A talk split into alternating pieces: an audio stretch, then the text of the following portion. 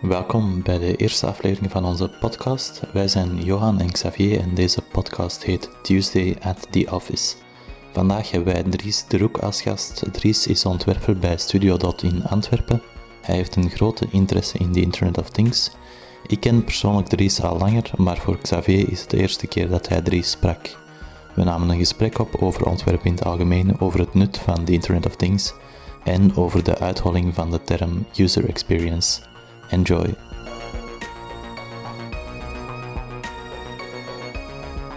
Goedemorgen, Dries. de Goedemorgen. Um, je omschrijft jezelf als Next Generation Alchemist, Full Stack Human en uh, Design Researcher. Dat klopt. Um, het eerste intrigerende daar voor mij is uh, Next Generation Alchemist. Ja, uh, de, ja dat is... Waar komt dat vandaan? Ik, ik, heb mij er juist ook even zitten afvragen waar het eigenlijk wel van kwam. Um, maar ik denk dat het um, erop neerkomt dat ik mij vaak een beetje zie als iemand die daar veel bezig is met nieuwe technologie, nieuwe ontwikkelingen in de wereld um, en nieuwe mogelijkheden. En ik voel mij dan, um, denk ik, mogelijk een beetje zoals de alchemisten zich vroeger voelden, um, door allemaal dingen bij elkaar te smijten, hopen dat er iets gaat gebeuren. En ik denk dat daar een beetje de term vandaan is gekomen. Um, het, uh, en ik, ik, voel me daar dan ook wel redelijk goed bij, om gewoon heel veel dingen te proberen en zien wat ja. er gebeurt. Vandaar misschien ook uw, uh, uw dag, dagelijkse omschrijving als uh, onderzoeker. Um, mm. Is daar ergens een link met het onderzoek? Maar ik, ik vind het gewoon, allee, wat ik zelf belangrijk vind, is dat, um, dat ik gewoon ruimte heb, of belangrijk, wat ik leuk vind, misschien is dat beter, ja. um, is dat ik ruimte heb om redelijk, ja, ik zou zeggen experimenteel, ik weet niet dat het het juiste woord is, maar dat ik bezig kan zijn met uh, een aantal dingen te proberen, wat dat ook weer wat bij dat alchemist zijnde past ik ben zeker niet de, um, de stoffige interpretatie van de onderzoeker, denk ja. ik. Um, ja, want dat lijkt mij wel een, uh, allee, een, een stigma misschien uh, wat een beetje boven designonderzoek hangt. Onderzoekers uh, praten veel, denken veel, lezen veel, maar doen eigenlijk niet zo heel veel. dat is inderdaad dus, het vooroordeel, vermoed ik. Um, ik. Ik hoop dat ik dat toch op een andere manier wat probeer in te vullen. om eigenlijk ook heel hard naar hoe kan ik nu effectief bezig zijn met dingen die dat effectief bruikbaar zijn in de ontwerppraktijk. Ja. Dat is eigenlijk vooral wat ik probeer te ja. doen. Heb je daar een concreet voorbeeld van? Ja, ik ben de laatste tijd bezig geweest met een, een soort van um, ja, idee-ondersteunende methode voor internetgeconnecteerde producten beter te begrijpen. En ik zag dat er ook heel veel mensen daarmee bezig waren. Heel veel mensen proberen dat redelijk academisch aan te pakken en heel ja, gestructureerde toolkits op de designwereld los te laten. Mm. Maar ik denk dat dat absoluut niet werkt. Um, en hetgeen wat ik dan geprobeerd heb, is om uh, iets te maken wat dat heel ja, op verschillende manieren ingezet kan worden. Ja. Iets wat, dat, wat dat, als er iemand een heel pril idee heeft, kan werken, maar als je eigenlijk al veel verder in je ontwikkelingsfase zit, dat je dan op een andere manier hetzelfde ding kunt gaan gebruiken. Dus dat is eigenlijk een manier waarop ik dat probeer te doen. Oké. Okay. En uh, je denkt dat dat niet werkt? Of, of heb je in het onderzoek dan ook uh, dingen ontdekt? Uh... Ja, er, er, is best wel wat onderzoek. Um, weliswaar academisch onderzoek, maar ook wel van toffe academische onderzoekers. Wat onderscheidt een tof van een niet tof academisch onderzoek? Nu ben ik heel benieuwd. Maar ik denk vooral de voeling met praktijk. Ik denk altijd dat ik dat, dat kan appreciëren. Als er iemand zegt van ik heb naar de praktijk gekeken en ik maak nu een duidelijke brug tussen dingen dat er in academische literatuur zijn geschreven en ik probeer een brug te bouwen naar wat wil dat eigenlijk zeggen voor hetgeen wat we ja. dagelijks doen. Ik denk dat, dat ik dat wel kan appreciëren. Um, en er is zo'n uh, on, uh, onderzoeker, um, um, Stolterman, um, uit Amerika. En die probeer ik even te bedenken dat ik zeker de juiste naam zeg, maar ik hoop het wel. We zullen fact-checken. maar die, die, die heeft eigenlijk ooit het statement gedaan dat als je gaat kijken naar... Allez, mijn interpretatie van zijn statement alleszins is dat als je gaat kijken naar ontwerp, ontwerpers of ontwerpbureaus, dan staan daar vaak heel veel toolkits op een schap. En dat lijkt allemaal mooi, maar als je gaat kijken naar de effectieve ja, frequentie dat die dingen gebruikt worden in de praktijk is eigenlijk bijzonder laag. Ehm, dat gaat dan over idee-generatie, toolkits of over businessmodellering, dingen enzovoort enzoverder. En vaak hebben die dingen een heel rigide structuur dat ze proberen door te duwen. Maar uiteindelijk, als ontwerper, is net het feit dat je je proces kunt aanpassen afhankelijk van hetgeen dat je nodig hebt op een bepaald moment. Iets wat dat heel natuurlijk Ja, een beetje het proces zelf misschien eh, gaan ontwerpen, of daar iteratief mee omgaan. Ja, dat is, dat is ook een beetje wat ik in mijn, in mijn laatste brokje academischer onderzoek ook op uitgekomen ben, is dat dat, dat eigenlijk net een eigenschap is van zeker de, de, ja, de innovatievere bedrijven, wat dat vaak start-ups zijn, ehm, die dat dan eigenlijk mm, ja, al gaandeweg, een beetje op een ad hoc manier, hun ontwerpproces bepalen, terwijl dat ze het aan het doen zijn. En eigenlijk veel minder er op voorhand over nadenken van, ah ja, maar nu zitten we in een analysefase. Zijn ze daar bewust mee bezig tijdens het ontwerpproces? Ik, ik, heb, ik heb zo een, inventaris van 13 ontwerpprocessen van ehm startups gedaan. Dus Internet of Things startups in dit geval. Ehm, dus er ook effectief met die mensen te gaan praten. Dus niet ehm, eh, bekeken naar hun website, maar effectief gaan zien van hoe hebben zij een ontwerpproces doorlopen. En ze zijn daar eigenlijk absoluut niet bewust mee bezig. Ehm, dat was eigenlijk een, een, een ding wat dat mij wel getriggerd heeft om... En dan zeker met wat ik daarvoor door... eh, eh, in het academisch onderzoek ook gelezen had, van ja, als je toolkits maakt, ze worden eigenlijk niet gebruikt. Dat is eigenlijk wat, dat, wat dat, een, een tool moet net die vrijheid hebben om inpasbaar te zijn op verschillende momenten die dat je op voorhand niet kunt voorspellen. Als je een iets of wel nuttig een tool wilt maken. Dus dat was eigenlijk... ja, dat is hetgeen wat dat momenteel mij wel heel hard boeit. Ja, oké. Ja. Ehm, een vraag die ik had is, eh, ontwerp je zelf ook ehm, hele, hele concrete dingen met een concrete toepassing? Of ehm, is het voor jezelf? Of, Ja, ik, ben er absoluut wel mee bezig, maar dat zijn meestal dingen die niet rechtstreeks het, eh, het daglicht of het marktlicht eh, zien.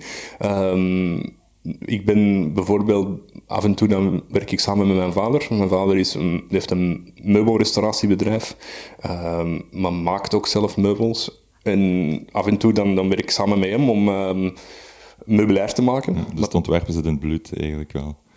Ja, mijn vader is gewoon super hands-on. En, maar hij is, hij is iets moeilijker met ehm, het ehm, digitaal ontwerpen van die dingen, of het eh, digitaal maken van dat soort allee, meubilair. We, we frezen vooral dingen, dus het is vooral CNC-frezen dat we dan doen.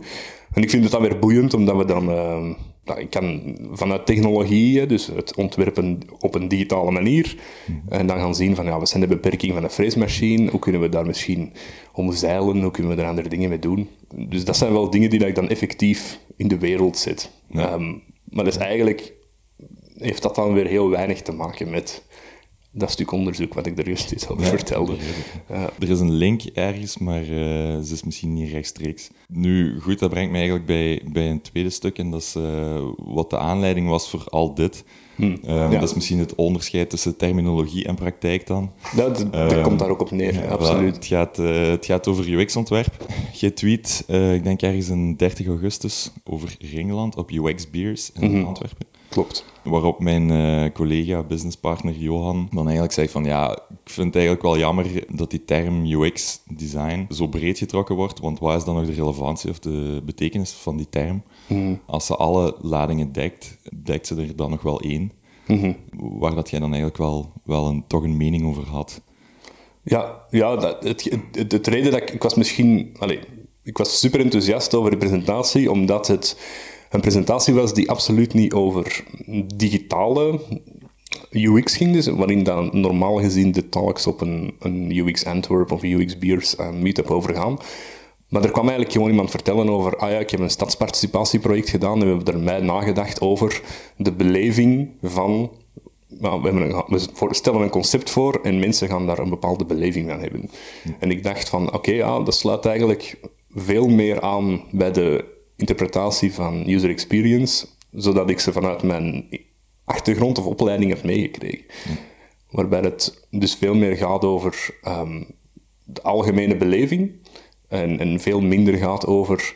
ehm, ik zal het even cru stellen, eh, hoe zit een wireframe in elkaar? Ja. En dat vond ik wel interessant, dat ze dan daar dat soort van thema toch probeerden introduceren. is uw gevoel dat UX soms te eng geïnterpreteerd wordt dan? Maar ik denk, allee, ik denk dat het gewoon super duidelijk is dat er eh, dat het een term is die dat van verschillende kanten wordt bedefinieerd, waardoor dat er eigenlijk stel ik mij een beetje in vraag van ah, wat is het, wat is het nut nog van die term te gebruiken, omdat er zoveel mensen een andere, een andere interpretatie van hebben. En dat vond ik dan eigenlijk ook heel goed dat, ehm, dat Johan hier aan tafel eh, de meetup ehm, over UI specifiek in het leven heeft geroepen. Ja. Omdat dat veel duidelijker is. Van, dit gaat over... ehm, dit gaat over user interfaces. Ja. En dan weten we van, oké, we hebben het over dingen die daar op een scherm worden getoond, waarschijnlijk. Waarom is UX-ontwerp eigenlijk zo'n problematische term dan? Ehm, ik, ik denk dat, ik denk dat dat om... Het is, een term, het is een term, dus user experience op zich, die dat een heel ver verleden heeft, volgens mij. Ja. Eh, Dus als je kijkt naar het... Ja, ik, ik heb een industrieel ontwerpachtergrond. En als je gaat zien hoe dat, dat daar wordt... Ja, hoe dat, dat daar is ontstaan... ehm, dat is een heel ander discours dat er genomen wordt wanneer dat je kijkt naar ehm, user experience puur vanuit de digitale kant. En ik heb zo het gevoel dat... Als er We zijn wordt, te ver naar het digitale doorgeslaan. Wauw, nee, misschien niet per se, want op zich gaat dat ander discours ook wel voort. Maar er is zo niet echt een, een gemeenschappelijk. De digitale community heeft meer profileringsdrang dan eh, de andere communities. Ja, wat dat mij ook een beetje stoort, en allee, merk dat, ik kom er zelf niet zoveel in mijn aanmerk, aan, aanraking, maar ik hoor dat wel bij andere mensen, is dat ze dan zeggen, ah, ik werk in een bedrijf. Ehm, en op een bepaald moment zeggen wij van, ah ja, maar ja, de UX'er zal dat wel doen. Het feit dat de UX'er Ja. een term is, Ja. heb ik zoiets van, ja, maar als je iets over experience wilt zeggen, dan moet je dat als basisfilosofie meenemen in. Hoe, de manier waarop dat je werkt. Ja. En gaat dat dan ook over andere mensen die helemaal misschien geen designachtergrond hebben? Of ehm, is het toch wel specifiek over, gaat het toch wel specifiek over designers? Mm, een goede vraag. Ehm, dat, ehm, ja, ik denk, allee, want, misschien om daarop te antwoorden, is dat je evengoed mensen, tussen aanhalingstekens, digitaal UX-werk ziet doen, die dan misschien eerder vanuit een sociologische achtergrond komen. Ehm, wat dat prima kan, denk ik. Ehm, maar anderzijds zijn er ook mensen die vanuit de computer science achtergrond komen, die dan ook UX-werk gaan doen. Allee, of digitaal UX-werk. En Als, Ja. als ik u goed begrijp, ehm, dan hoor ik... UX is meer een manier van werken dan, of een methodologie of een, of een visie op ehm, het tot stand komen van producten. Zij het digitaal, fysiek. Ja, dat is inderdaad. Ik denk ook als, we terug, als ik teruggrijp naar de in, oorspronkelijke Twitter-conversatie, ehm, denk ik dat dat er ook zo op het einde ongeveer mijn conclusie een beetje was. Alleen, dat is toch wat ik ervan onthouden heb, alleszins. Ehm dat mijn interpretatie, die dat ik daar een beetje naar voren bracht, meer aanleunt tegen vanaf dat je spreekt over experience, dan heb je het over hoe dat mensen iets gaan beleven. En je probeert te ontwerpen voor een bepaalde beleving. Ja. En, en dat is iets wat dat je niet, volgens mij... allee, de term is moeilijker te gebruiken. Stel dat je al een volledige requirements-lijst hebt opgesteld gesteld, en dan bedenkt van, ah ja, juist, we gaan daar nu wat experience op loslaten. Ja. En zo wordt het wel, allee, merk ik misschien wel in, in bepaalde praktijkomgevingen wel gedaan. is mijn, mijn, mijn voelen. Hoe moet het dan wel? Ehm, maar ik denk dat, dat het gewoon heel belangrijk is dat je als producent van eender wat type product, zij het fysiek of digitaal, ehm, dat het belangrijk is dat je van in het begin weet, dit, zijn mijn, dit is mijn primaire doelgroep. Ehm, en, en ik kan die context van die doelgroep begrijpen en ik weet wat het er belangrijk is en wat er speelt in die context.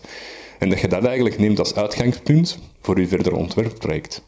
Nu, dat is meteen al met een kanttekening te maken, dat dat in, uh, ook opnieuw in de praktijk niet altijd de meest evidente zaak is. Om daar tijd in te steken. Ja.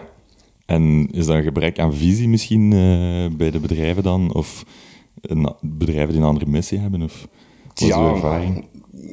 Het antwoord dat nu in mijn hoofd opkomt, is dat, um, dat de waarde daarvan veel moeilijker in te schatten is. Allee, ik bedoel dan uit te drukken in bijvoorbeeld geld. Of uit te drukken in, um, in tijd. Of, ja. uh, het is zo moeilijk om...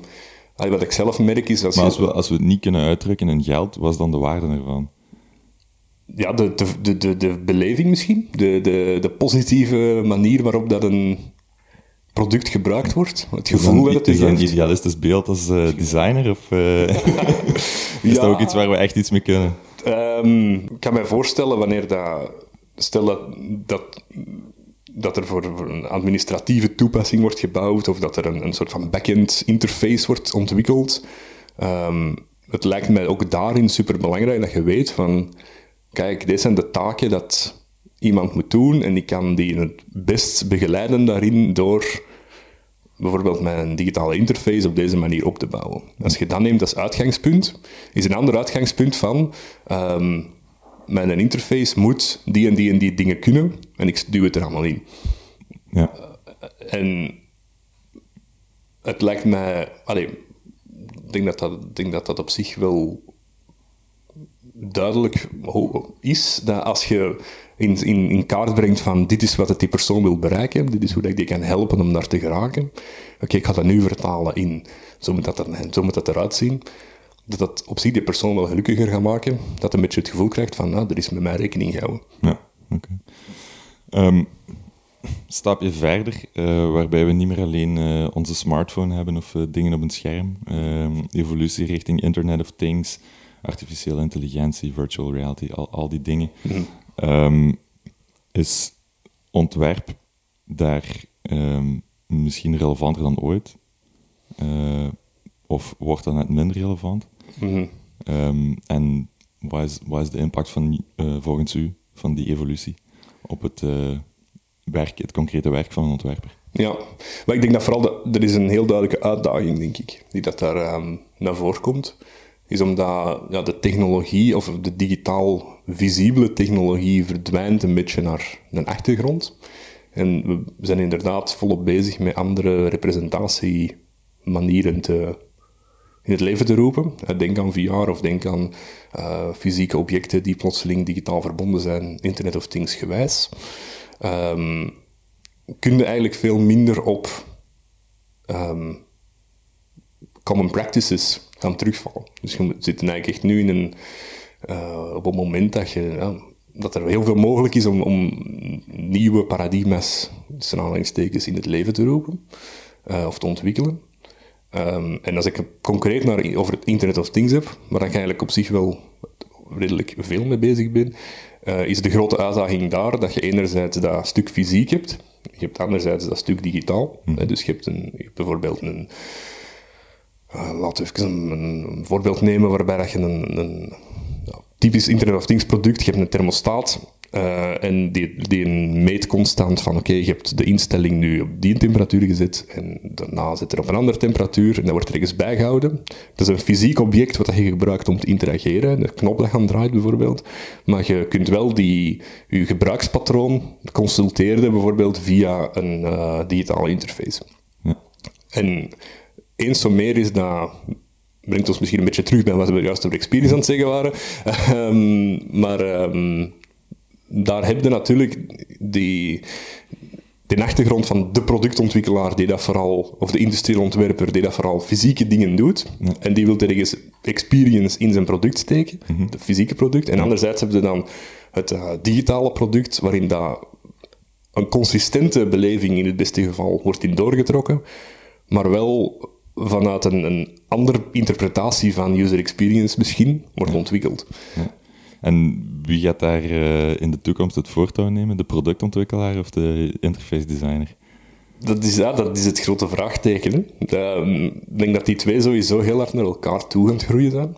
Er zijn ook de tools die dat er um, voorhanden zijn, Ehm, nou, je hebt bijvoorbeeld perfect hardware, elektronische hardware, die je via JavaScript kunt programmeren. Dus dat is eigenlijk een beetje op maat van de front-end developer die heel goed is in, in JavaScript, die dat perfect een fysieke interface kan gaan bouwen, bijvoorbeeld.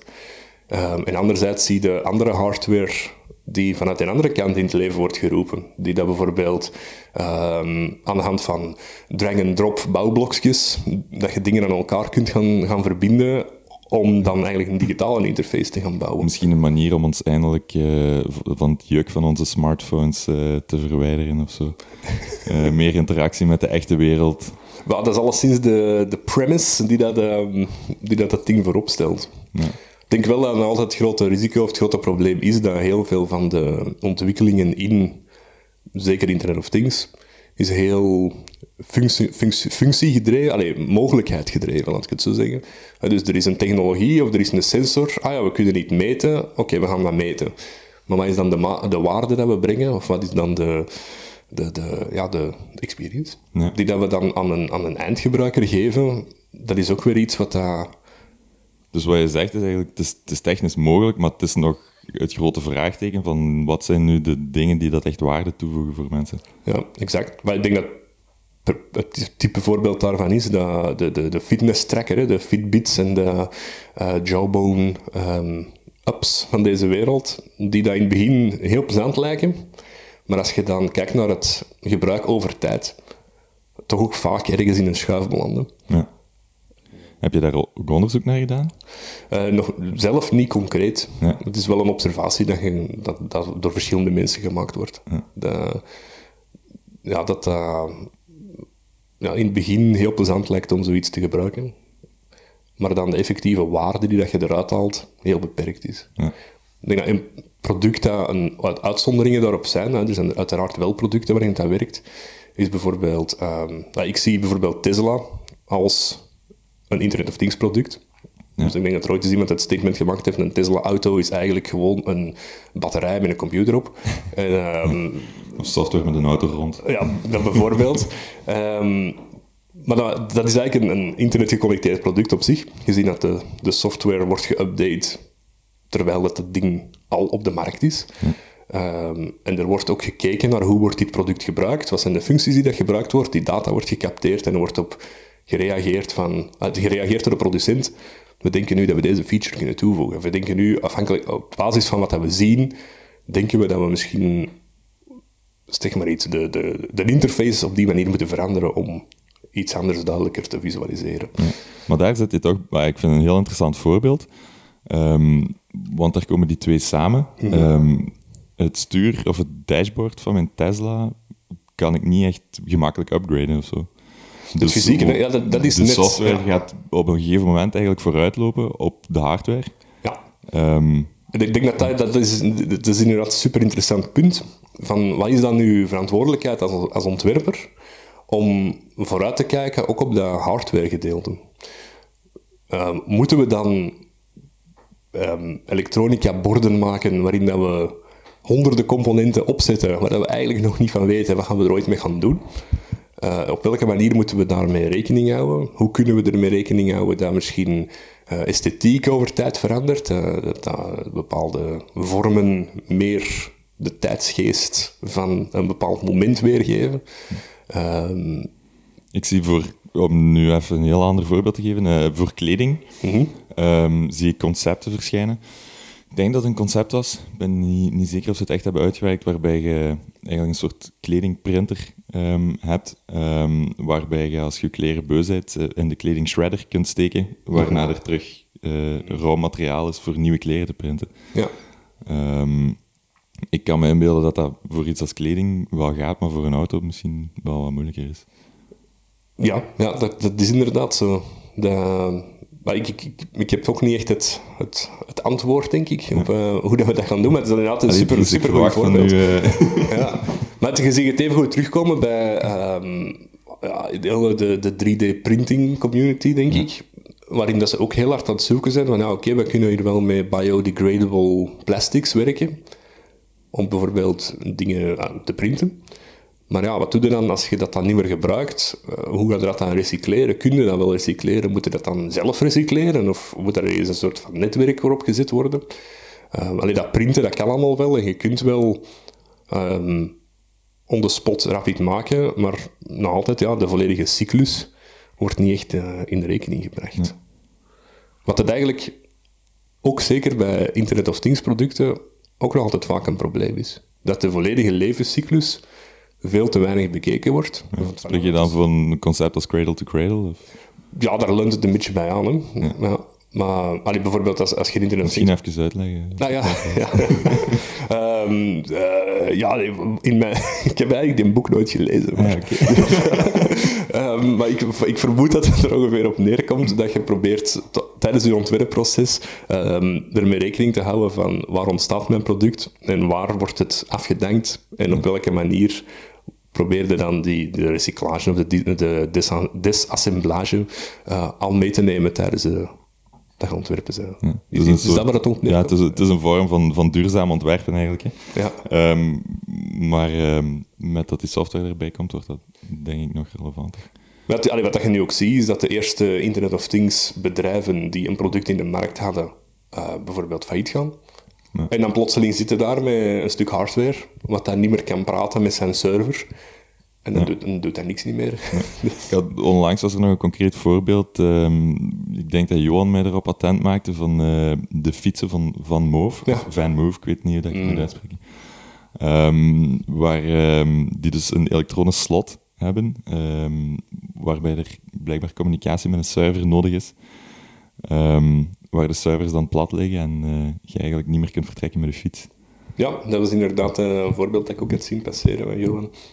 Maar dat is inderdaad dat is wat, dat, wat, dat, wat dat een van de problemen is hè, met dat, dat soort van ja. producten. Is dat, betekent dat dat wij te veel um, digitale oplossingen plakken op dingen die helemaal niet digitaal opgelost moeten worden? Of?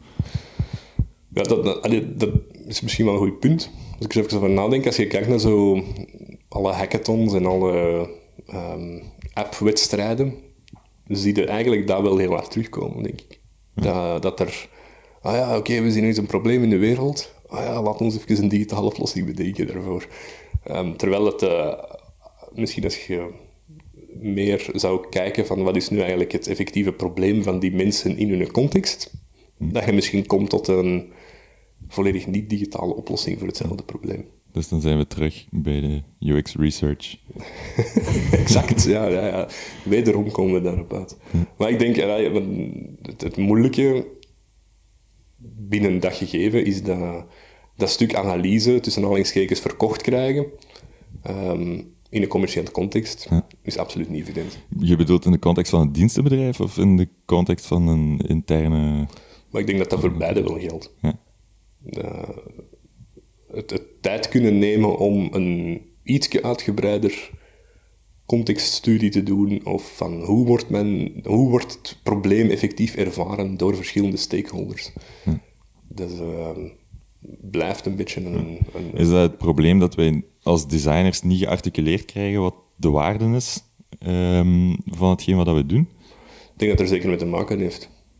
Dus opnieuw het kwantificeren daarvan. En als je net zelf de vraag stelt van ja, maar wat is dan wel de eenheid waarin we dat kunnen uitdrukken? Ja. bleef ik ook een beetje het antwoord schuldig en draaide ik wat rond de pot. Um, um, dus dat, dat, dat, dat is niet evident. Ja. ja. Oké. Oké, ik heb eigenlijk nog één vraag over uw, uh, uw carrière eigenlijk tot nu toe. Ja. Als er iets is wat je anders zou doen, mm wat zou het dan zijn?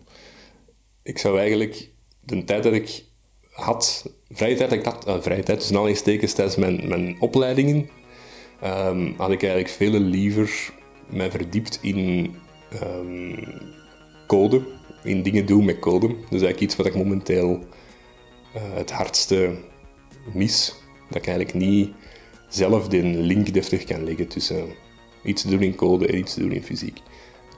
En dat is iets, als ik de, de productontwikkelaars van vandaag een gouden tip mag geven, probeer daar toch uh, aandacht aan te geven, want het zal sowieso belangrijker en belangrijker worden.